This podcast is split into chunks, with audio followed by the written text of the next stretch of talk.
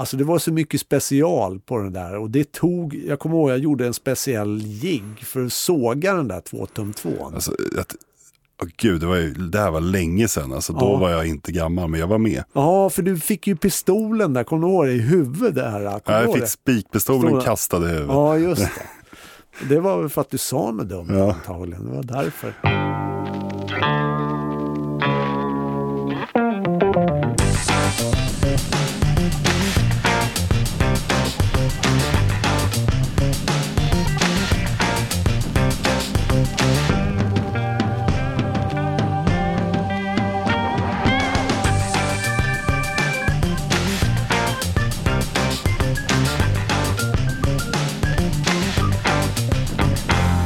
Hej och välkommen till Hantverkarpodden med mig Kalle.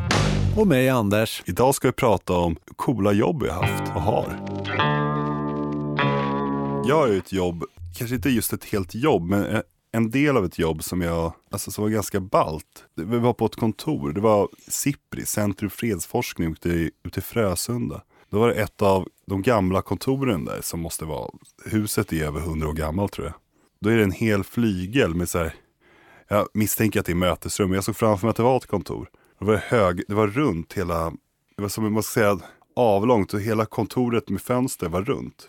Och där, där inne så var det en balkong också. Hela kontoret såg ut som ett kontor för en bondskurk ungefär. Ja, sån här, du menar lite så här, ja, stort Ja, men- och pampigt. Ja, är och, tecknad Batman-film. ja, eller där han sitter. Ja, ja, jag förstår vad du menar. Ja. Det är en av de häftigare lokaler jag varit i och jobbat. Sen ska vi bygga om det till allmänt alldagligt som vanligt då, men Om du säger snacka häftigt, men det, det här är ett jobb som, ja, det, det vart ju aldrig någonting där. Men alltså, det hade varit häftigt om jag hade fått gjort det. Och det var ju uppe på skatteskrapan där. Där skulle det ju byggas en uteservering ute på en sån här flygel där. Vi började faktiskt och, där uppe. Men sen så vart det så att det vart för dyrt så att då vart det ju ingenting. Men alltså själva den grejen, det var ju alltså, jag tyckte det var skitcoolt och det var ju, har du varit uppe på skrapan någon gång? ja, jag har varit där med dig faktiskt när du visade att här ska vi göra ett jobb. Det- Jag minns exakt det här. Ja, Du, ni snackade ju som mest. ja, det snackar men jag var ju där och började och där, det var ju liksom ja, högst upp där, det är ju 85 meter över. Det, det var ju så här, hade ju varit jättecoolt alltså att få, få göra det där med såna här glasväggar och allting. Men det fick man ju inte. Det är coolare att jobba inne i innerstan så här. Det är att man får vara i så mycket balla lokaler. Ja, Men vi har varit, vi har varit nere, det är ju inte så häftigt egentligen, men nere i stadsarkivet har vi varit. mm. Ja men där, ja. Ja, där var vi ganska mycket. Ja, det var ett stort jobb. Ja, men det var också just i de här äh, gamla lokalerna där. Exakt. Men fan, det är ett jobb jag i och för sig är stolt över. Det var att eh, det är, inne i, i Slakthusområdet finns det ett kontor kvar. Och det är en byggnad som enligt arkitekten var jag så jävla impad över för att hela fasaden är byggd i teak. Tydligen som i Chicago på 50-talet. Okej. Enligt arkitekten, citat, tecken framför det. Då, så för att eh, de skulle ju, de, det var ju så K-märkt det huset så att de eh, fick ju inte bygga om det hur som helst. Så de var tvungna att bygga om den här gamla stilen. Och det är ganska svårt att hyra ut kontor mitt i slakthusområdet. Folk som inte bor i Stockholm, så slakthusområdet är ju precis vad det låter som. Det är bara fullt med slakterier. Det är ett industriområde väldigt nära stan. Mm. Även om det inte är någon levande djur där nu för tiden så är det, det är inget kontorsområde alls. Och ligger rätt så avsides om man bortser kommuni- från tunnelbanan och så. Så att då lyckades vi inte hyra ut det. Vi var ju tvungna in, vi byggde om allting bara lite grann för att få det mer beboeligt så att säga. För att kunna hyra ut det. Och då var det en lokal vi skulle, eller en del av lokalen vi skulle göra till ett eventuellt kontor. Bara för att föreställa hur det såg ut då, i dåtid. Då. Okej. Så fräschade vi till fönstren där och så fick vi köpa ut teakfaner och klä in runt fönstren och klä in elementen med och så här. Och så inreddes det ungefär som ett kontor i Mad Men. Det var en stor gammal askkopp på ett gammalt jävla rokoko-skrivbord de hittat. Och, Okej. ja, men det, var, och det var verkligen, det var riktigt ballt. Ja. Och så var det nå- någon form av textilmatta också som kanske inte var så tidstypisk, men det kändes det i den miljön. Ja, men det, ja, det, det låter ju lite också. Jag vet att vi har haft eh, på Kungsgatan har vi gjort i sådana här gamla, du vet, sådana paradvåningar som man gör om till, eh, som de hade gjort om till kontor. Det var ju också sådana här riktigt flashiga lokaler liksom som verkligen är, ja, där det får snickra och, och hålla på liksom. Och, det tyckte jag var, var jätteroligt de här. Det var ju liksom riktigt så här, ja, gammalt. Du vet, ja. med högt i tak och det är såna här ja, eh, feta lister i taket och, och allting ja, sånt Mitt möbelkontor, det var inte så svårt. Det svåraste var att liksom få lampan i rätt höjd. De tänkte inte riktigt på det med gamla grejer. Men det, det, det, hade vi också eh, när jag jobbade på en annan firma och det var på Söder. Då, eh, det är Nytorgsgatan tror jag det ligger på någonstans. Det är högt upp mot, eh, ja, någonstans där uppe var det. Och det var också så här, en, en högst upp så finns det eh, en jättevåning alltså som är gamla handmålade trätak. Jag vet inte om du har sett det någon gång, Kalle, men alltså, alltså det är så jättefint. Hur menar du gamla handmålade trätak? Alltså, det är ju som plank som de har spikat i, i taket. Det är ju inte spontat eller någonting. Och sen är de ju handmålade, alltså mönster. Det är ju som eh, kanske, vad ska jag säga? Ja, Sixtinska kapellet nere i, ja, var det ligger någonstans, Venedig kanske.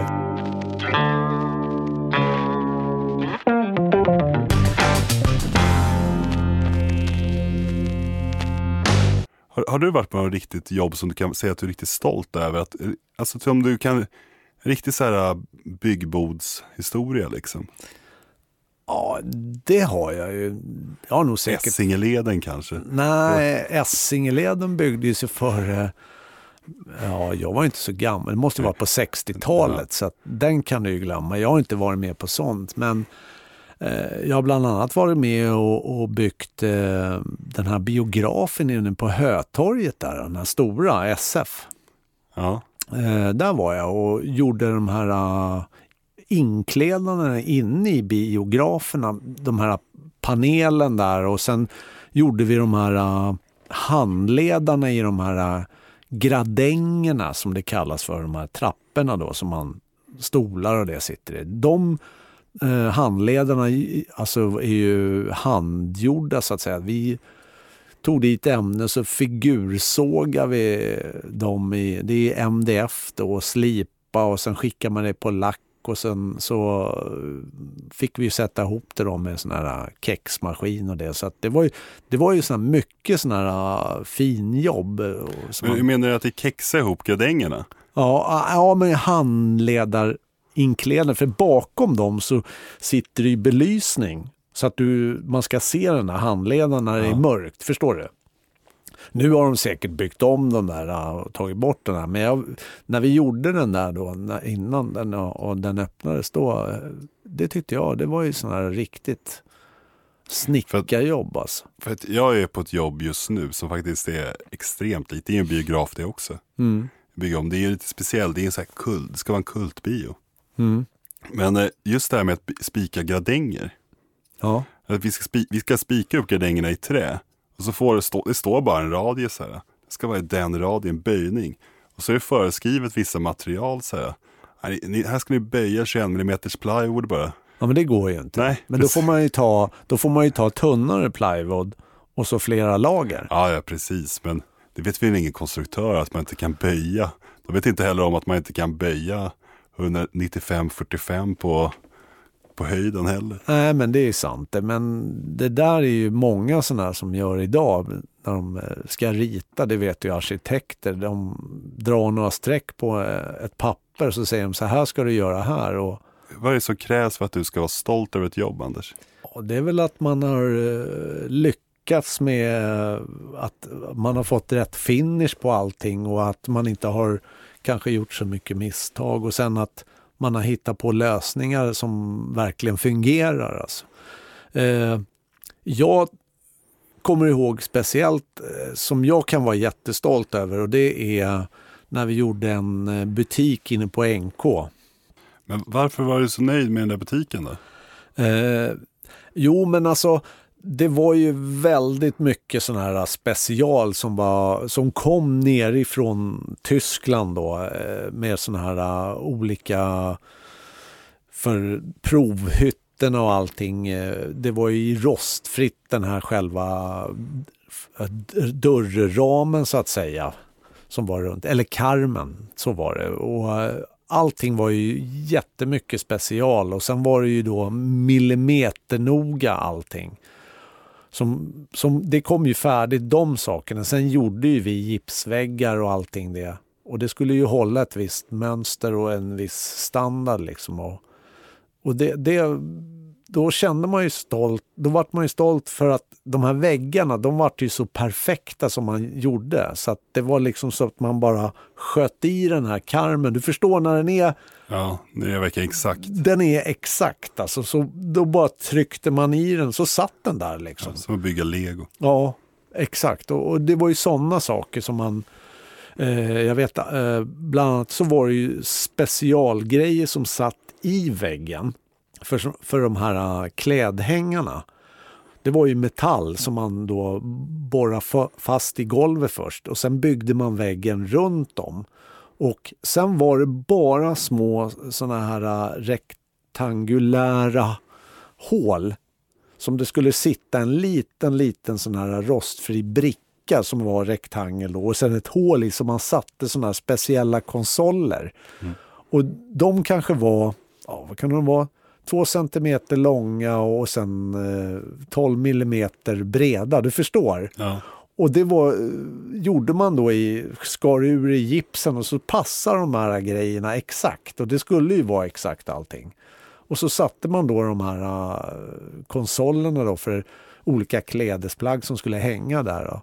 Så att det var, där var det mycket special liksom. Som man var, där var det var noga, exakt alltså. Det gick inte att ha fel liksom. För då skulle det synas direkt. Jag tycker det är häftigt när man, när man har, är på jobb som, ja, jobbet som är på nu. Och man, det är så jäkla dåligt projektering och det är så jävla mycket motgångar hela tiden. Och när man väl får till det, man får ihop det liksom. Ja, då, ja men då blir man ju och sen, sen också det här att man blir ju stolt också när man gör det tidsmässigt att man har kanske kapat tiden va? Jo exakt, man sprungit ikapp med tidsplan som varit försenad. Ja, det har jag också. Jag kommer ihåg, det var i, i trakterna där, där du bor faktiskt, som eh, vi spikade om taket på ett garage. Och eh, då kapade vi faktiskt, eh, jag tror till och med att det var sex veckor veckor på tidsplanen som vi var snabbare. Hur många var ni då? Nej, men det var jag och en, en kollega då, som, som eh, spikade tak i, där. Och eh, sen var det några till då, rivare som var där och, och rev det gamla. Så att vi var inte så många. Men eh, vi jobbar väldigt effektivt och, och, det, var, det var också sådana bra jobb som man kände så att man fick flyt i och det funkade. Eh, lite speciellt var det också. Det var såna här, har du varit med om Kertobalkar? Har du ja, på med sånt? Ja. Eh, de var ju 5,40 långa och de är inte så här jättetunga men det är lite otympligt att hålla på när man är ja, två man. Ja, två man så att, men det gick faktiskt, det jobbet gick jättebra och då var man ju riktigt stolt där.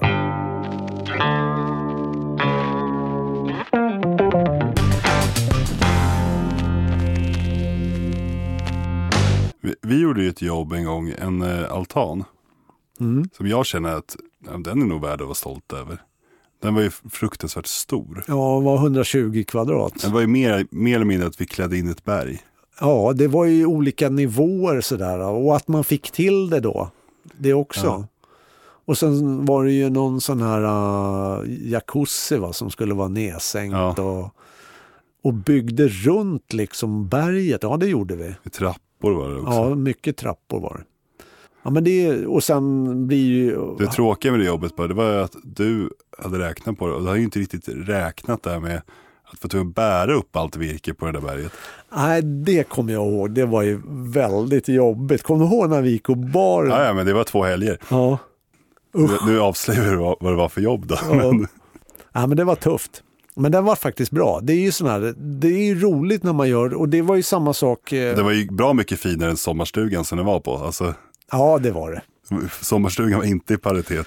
Med, med den, nej. Men det är ju samma sak det här eh, första jobbet på den firman jag är nu, när vi gjorde det allra första jobbet då, när den startades.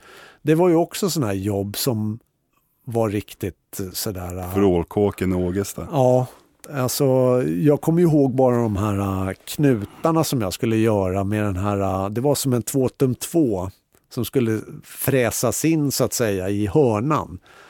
Alltså det var så mycket special på den där och det tog, jag kommer ihåg jag gjorde en speciell jigg för att såga den där 2 tum 2 Alltså, åh gud, det, var ju, det här var länge sedan. Alltså, då Ja. var jag inte gammal, men jag var med. Ja, för du fick ju pistolen där, kommer du ihåg det, i huvudet där? Du ihåg Jag det? fick spikpistolen Pistolen. kastad i huvudet. Ja, just det.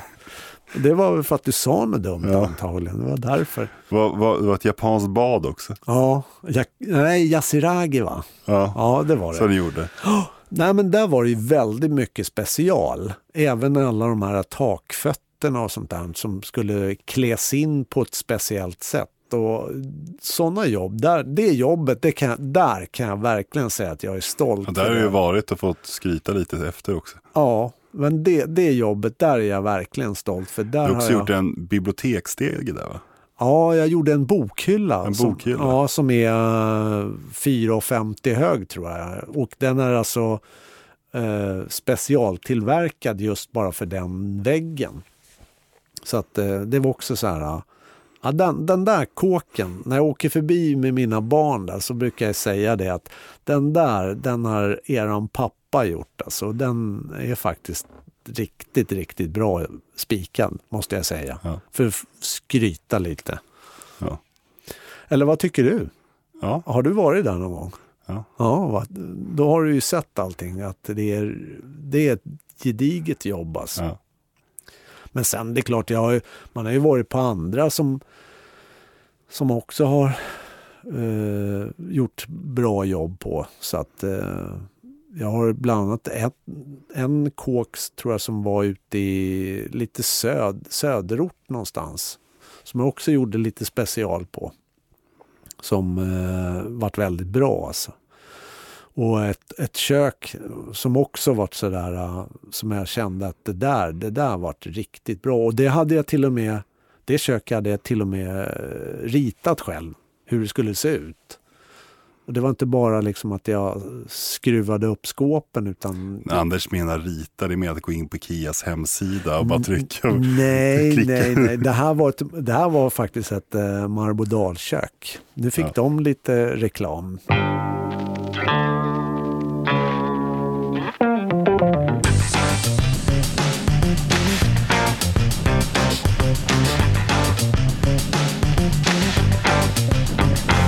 Järnkoll i samarbete med Flinks järn. Anders, brukar du använda munskydd? Nej, det gör jag faktiskt inte så ofta. Det kan väl hända ibland om jag håller på med isolering eller någonting, men annars så använder jag nog inte de där andningsskydden. Jag tror jag mer har dem som sån här mössa på huvudet, ser ut som en sjuksyster eller någonting. Ja. Tycker det är roligare, men nej, det gör jag inte. Ja, Jag försöker använda det så mycket som jag orkar, så mycket som jag klarar med egentligen. Vi har med oss Kikki från Flinks järn som vet allt om andningsskydd. Hej. Hej! Hej. Eh, vilka, vilka munskydd är de bästa egentligen? Det beror på lite vad man ska ha dem till. Hindra mot damm? Ja, ehm, det finns ju egentligen olika modeller. Man kan ju tänka sig att det finns eh, någonting som kallas för halvmasker. Och det är ju typ en silikonmask som man kan sätta olika typer av filter i. Sen finns det ju de här eh, dammfiltermaskerna. Och då skyddar de bara mot damm. Och det är de här som man ser som sjuksyrrorna på sig typ. Och sen finns det ju då även utvecklingar av det så att man kan ha masker som är tryckluftsmatade eller fläktassisterande om man skulle hålla på med något riktigt otäckt. Eh, Jag ju en sån här eh, som är som ett tygstycke med gummisnoddar bara. Det känns som engångsmask fast man använt den tio gånger. Det är en engångsmask. Det är en, det är en engångsmask. Absolut. Vad är faran med att använda den fler än en gång? Den sitter inte lika bra när man använt den en gång, eller alltså när man använder den nästa gång. Man får den inte att sitta lika tätt mot ansiktet. Och hela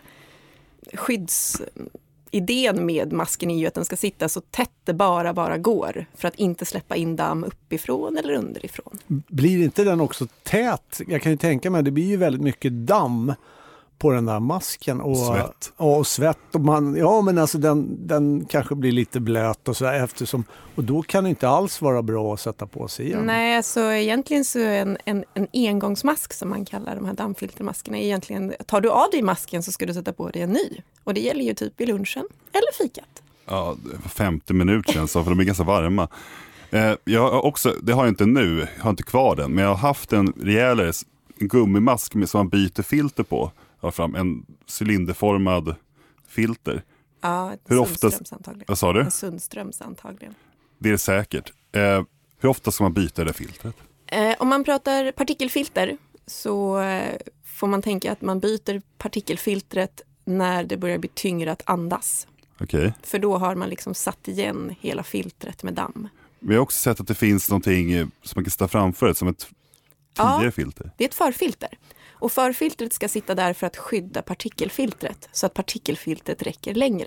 Så att man ska alltid sätta på ett, ett förfilter. N- När, när de där filtren, när behöver man använda dem då? Är det, för att jag menar om man håller på med ibland som isolering som vi gör, då använder man ju bara en sån här engångsmask. Det, det är ju ganska, Om ens det. ja men alltså det, det funkar ju men de här andra då som är lite mer avancerade, det känns ju som att det är ju så att man ska gå ner i något mörkerrum eller någonting som med massa, massa kemikalier och sånt, eller? En sån här silikonmask sitter ju bättre mot ansiktet än vad era dammfiltermasker gör.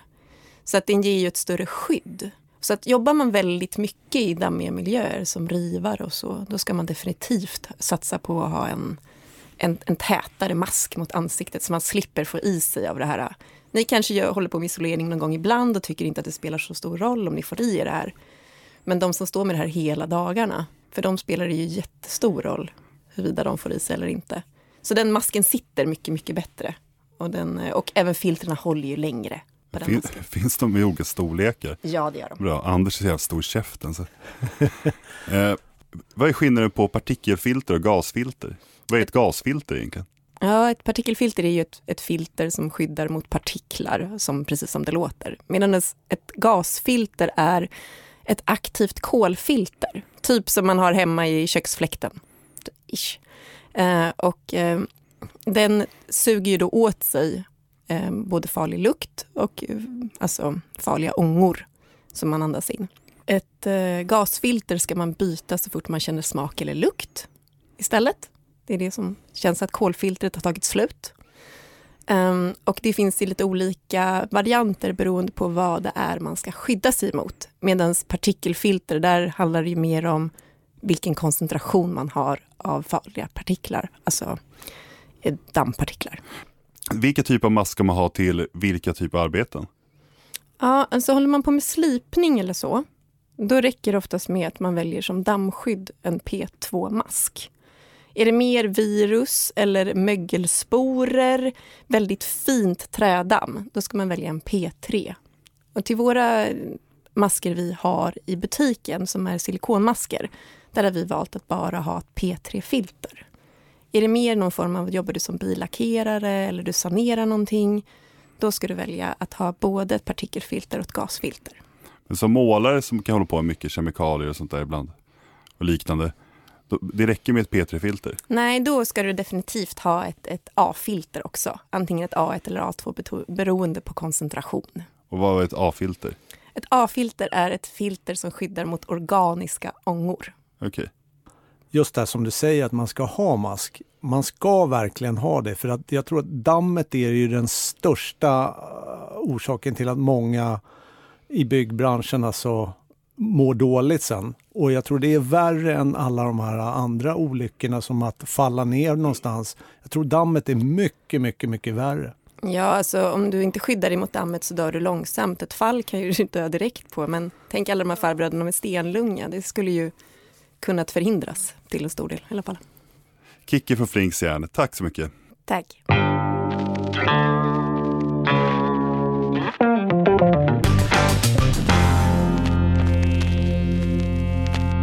Fa- Jag kommer på att glömma, jag har ju varit på ett riktigt jävla coolt jobb. Som jag tyvärr inte fått göra klart än på grund av att ekobrottslingar som ägde. Okej. Eh, gamla Danvikstulls kvarn Ja, just det. har jag varit på. Det är Sveriges, eller Sveriges, Stockholms första sjukhus. Ja. Byggt 17- 1728 och sånt där. Stämmer. När du åker längs med kajen där, Ja. att du ser hur det sjunkit kåken i mitten. Liksom taket är vikt mot mitten för att det är så jävla gammalt så att marken har sjunkit efter huset. Mm. Allt är snett. Det, är, alltså det finns inte en spik som är rak på det där bygget. Nej. Och när vi kom in där, då så var det det någon lirare som har byggt om halva taket. Och, eh, och gjutit golvet i botten.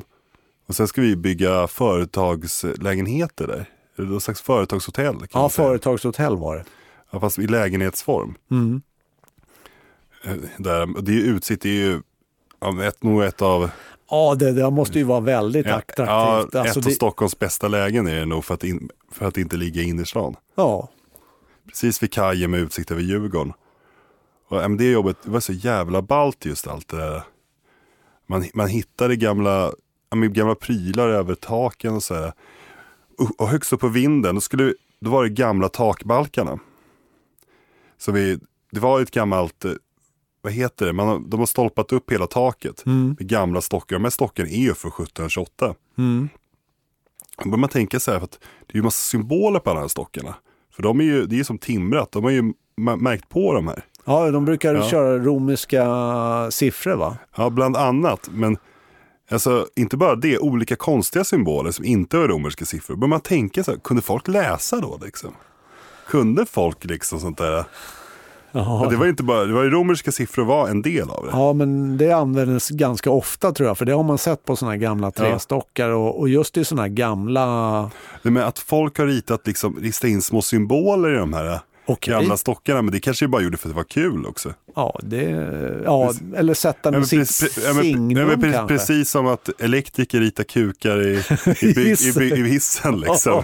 Ja, vi ställer andra skällsord Ja. eller att platschefen är en idiot eller Ja, någonting. precis. Så har de ritat sitt liksom. Ja. Det är så jäkla läckert. Ja, men de, det är väl lite så att de ska ha någon tag då kanske. Ja, eller men hur? precis. Ja. När, när du säger så här så tänker jag också, jag har ju varit mycket i Gamla stan och jobbat i sådana här äh, gamla hus. Där det är så, också sådana här äh, paradvåningar liksom som är äh, ja, jättestora om man har byggt om till kontor. Och det är också så här riktigt eh, fina gamla som hus. Men det är ju snett och vint och ingenting är rakt. Och golven lutar skulle du hälla vatten så rinner det väl från ena sidan till den andra. Liksom. Ja, Men det är, de är ju väldigt fina de här gamla husen. ja verkligen. Mm. Där har de ju verkligen lagt ner lite själ också på det. Det är ju bara att titta in i trapphusen där hur det ser ut. Det är inte som det ser ut idag liksom. När det säger att det är klottrat utan där har de ju en sån här riktig matta man går på i trappan. Har du tänkt på det? I alla sådana här. Ja, ja. Som sitter med sån här mässingstång Ja. liksom, och så har de propp eller sitter den fast den här, och sen är ju, det ser ju ut som en sån här uh, matta som man, uh, ja, orientalisk matta som de har handknutit någonstans nere i, Det enda saknas en portvakt. ja. Ja men det är ju alla såna här gamla, det är ju jättefint i dem. Och sen de nya trapphusen, där är det väl någon sån här gammal betongtrappa som de har lagt någon sån här terrasso på som de har ja, slipat till. Va? Det är inte alls samma sak. Ja, Men just det här när man håller på med gammalt och ser så här gammalt virke och gamla grejer. Här ska du, bara, här ska du riva upp ett hål. Mm. Man får ju lite ångest nästan när man gör det. Ja, det får Men det var man. de här gamla murstockarna. Jag hade min hund med mig. Han har plockat upp någon pinne där han började riva, bita lite i liksom. Nej, det var en pinne från, det, det är en handhuggen stock här som du har bitit i för 70-talet. Det ska, det ska i och för sig åka på tippen men det är, Ja. Ja, men det, det är kul att vara med och göra sådana där jobb när det är, när det är lite mera speciellt liksom och när det är lite sådär flashigare tycker jag. ja. Än bara gå och hänga gipsskivor på något kontor bara och sätta upp. det tycker nog de flesta. Ja, det tror jag nog. Jag har faktiskt varit med och eh, flyttat ett sånt här gammalt fähus. Alltså sånt timmerstockat som var, jag tror att det var 200 år gammalt. Och fick man göra nya stockar och sådär. Ett sånt jobb har jag fått vara med Ja, och eh, var väldigt eh, lärorikt faktiskt. ja. Och, och göra sånt jobb. För det, där, som du säger, ja, kunde de läsa det? Ja, det, det är klart att de kunde det och de kunde mycket, mycket mer för att de hade ju inte samma verktyg som vi har idag utan de hade väl någon yxa och någon Ja. gammal bågsåg och någon borr. De hade ingen svets i alla fall, det är därför, inte, därför byggandet brann upp. Ja, men alltså allting var ju handgjort liksom. Det, är- det är någon som har gjort det och sen... eh, Vi måste ju nämna det nästan, bygget som brann inne på Östermalm där. Det är någon som svetsat där inne. Ett Okej. hus, ja men du vet vilka jag menar. Ja, ja. Nej, men just vilken ångest man har när man, har bränt, när man har orsakat en brand. Och bränt ner. bränt ner ett 200 år gammalt hus Ja, till grunden. ja det, då har man nog gjort eh, ett stort misstag tror jag. Ja. Men eh, ja, ja, sånt händer. Svetsa inte gamla hus.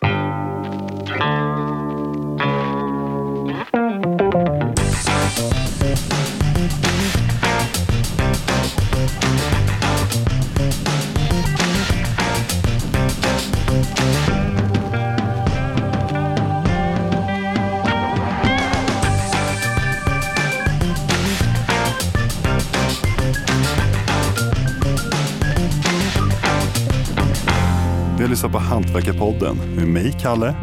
Och mig, Anders. Hej, Tack hej. så mycket. Hej, hej.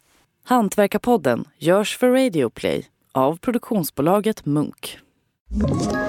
Ett poddtips från Podplay. I fallen jag aldrig glömmer djupdyker Hasse Aro i arbetet bakom några av Sveriges mest uppseendeväckande brottsutredningar. Går vi in med hemlig telefonavlyssning och, och då upplever vi att vi får en total förändring av hans beteende. Vad är det som händer nu? Vem är det som läcker? Och så säger han att jag är kriminell, jag har varit kriminell i hela mitt liv men att mörda ett barn, där går min gräns. Nya säsongen av Fallen jag aldrig glömmer på Podplay.